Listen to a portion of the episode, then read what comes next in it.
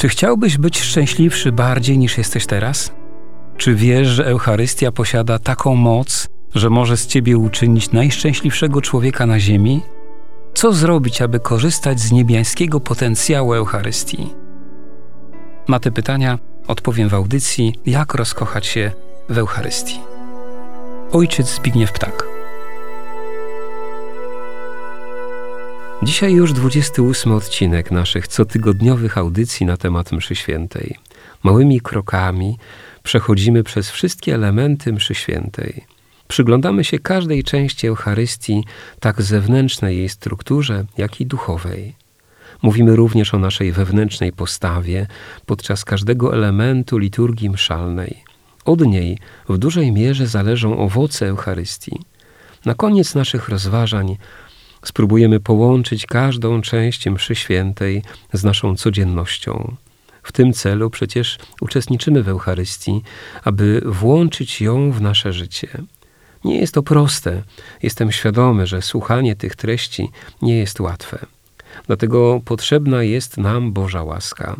Sami z siebie nie jesteśmy w stanie zdobyć się na takie usposobienie serca, które jest właściwe, gdy poruszamy się po najświętszych tajemnicach. Dlatego prośmy Boga o takie właściwe wewnętrzne usposobienie serca, które pomoże nam słuchać i żyć tym, w co wierzymy. Módlmy się więc.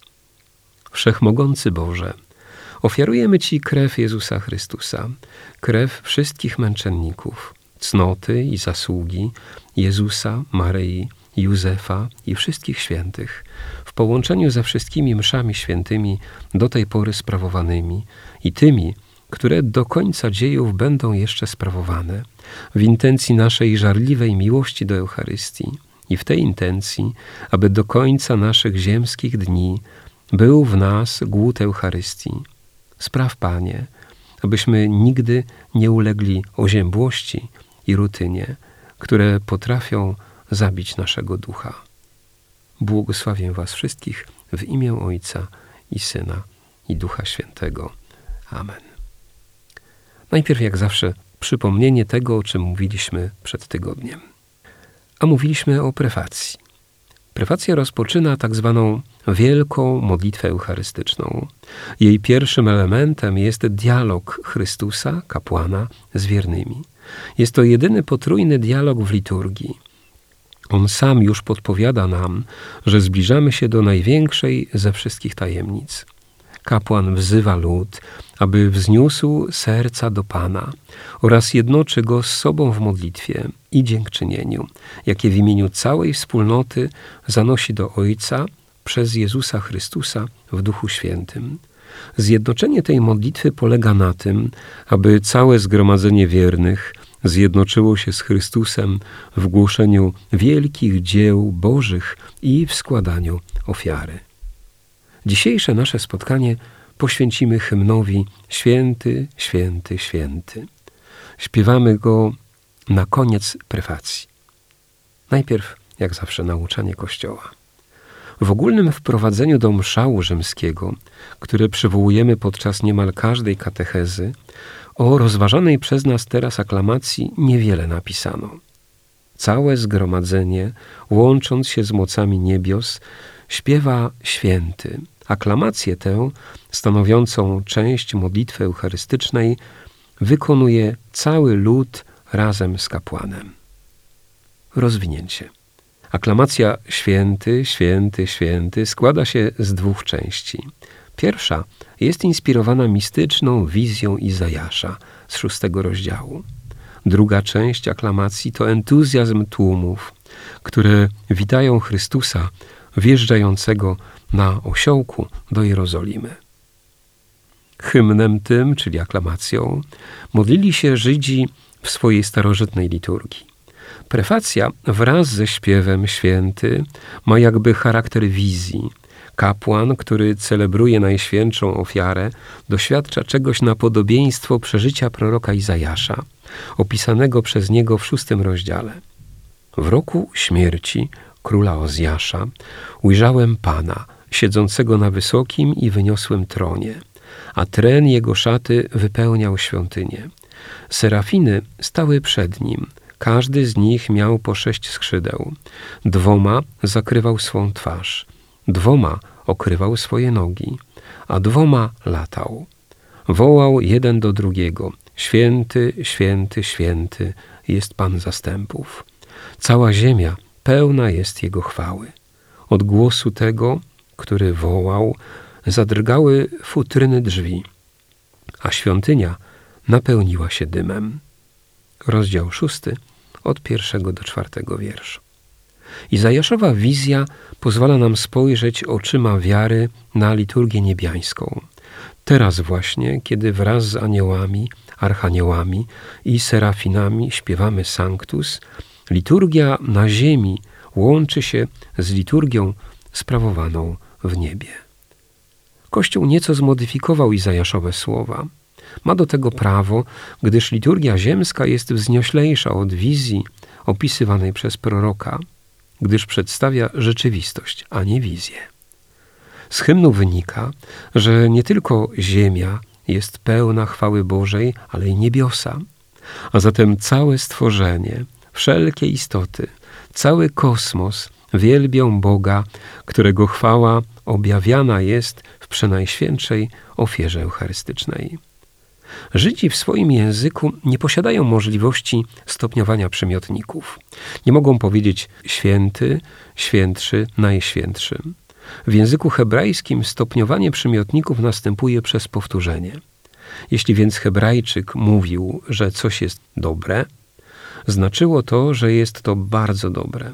Potrójne użycie tego samego przymiotnika zastrzeżone było tylko dla Boga.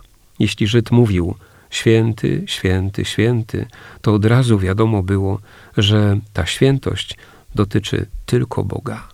I ta świętość w ten sposób wypowiadana oznaczała inne, nieziemskie rozumienie świętości. Świętość przekraczającą wszelkie ludzkie zrozumienie świętości, jakby świętość zastrzeżoną tylko dla Boga.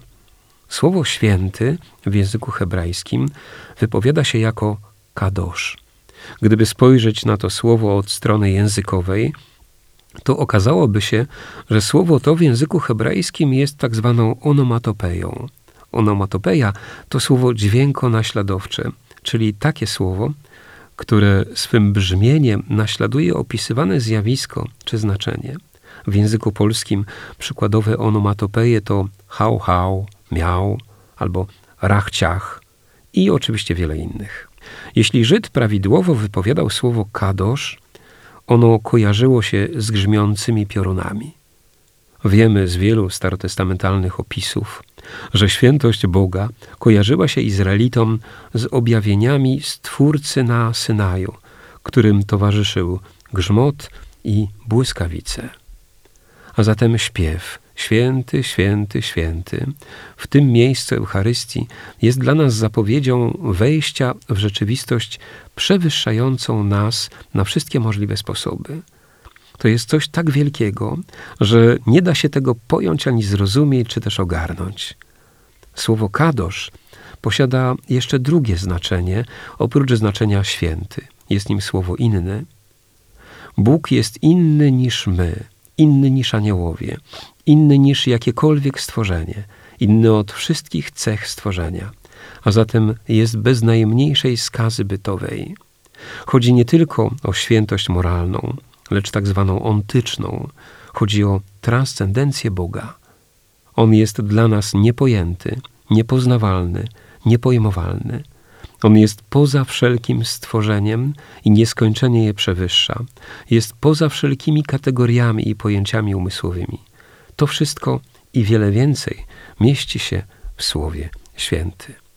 Druga część hymnu Święty, święty, święty, rozpoczynająca się od słów błogosławiony, który idzie w imię Pańskie, wzięta jest z Psalmu 118. Tym śpiewem witany był Chrystus, wjeżdżający uroczyście do Jerozolimy. Słowa te są błogosławieństwem i w dalszej części chwałą skierowaną pod adresem Chrystusa. A zatem mamy w tej aklamacji Boga, który jest niedostępny, przekraczający wszystko co ludzkie, a jednocześnie Boga, który przychodzi do człowieka. Postawa wewnętrzna. Postawa wewnętrzna podczas sanktus polega przede wszystkim na tym, aby spojrzeć oczyma wiary na to, co teraz dzieje się w boskiej liturgii. Ona łączy się teraz z liturgią sprawowaną w niebie. Te dwie liturgie współprzenikają się. Warto wytężyć więc wyobraźnię, by dostrzec, jak kolejny raz otwierają się niebiosa, by uwielbienie Boga dokonywało się jeszcze pełniej, ogarniając to wszystko, co dzieje się na ziemi. Liturgia włączona w życie. Każdy element mszalnej liturgii można przełożyć na naszą codzienność po to, aby ta codzienność była bogatsza, aby ona stawała się liturgią, czyli uwielbieniem Pana Boga. O uwielbieniu Boga w naszym życiu mówiliśmy już pochylając się nad hymnem Gloria. Liturgia Eucharystii zaprasza nas więc do tego, abyśmy pojęli sercem, czyli całym naszym jestestwem, że uwielbienie Boga to najdoskonalsza z modlitw, które do Niego zanosimy i u większości z nas niestety najrzadsza. Dlatego Sanctus jest kolejnym mszalnym wołaniem o uwielbienie Stwórcy nie tylko w świątyni, ale poza świątynią. Można uczyć się go dołączając na końcu codziennych stałych modlitw w postaci jednego zdania uwielbienia.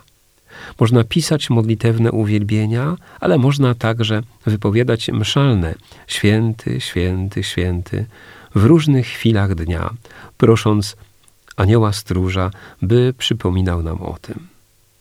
Błogosławię Was wszystkich w imię Ojca i Syna i Ducha Świętego. Amen.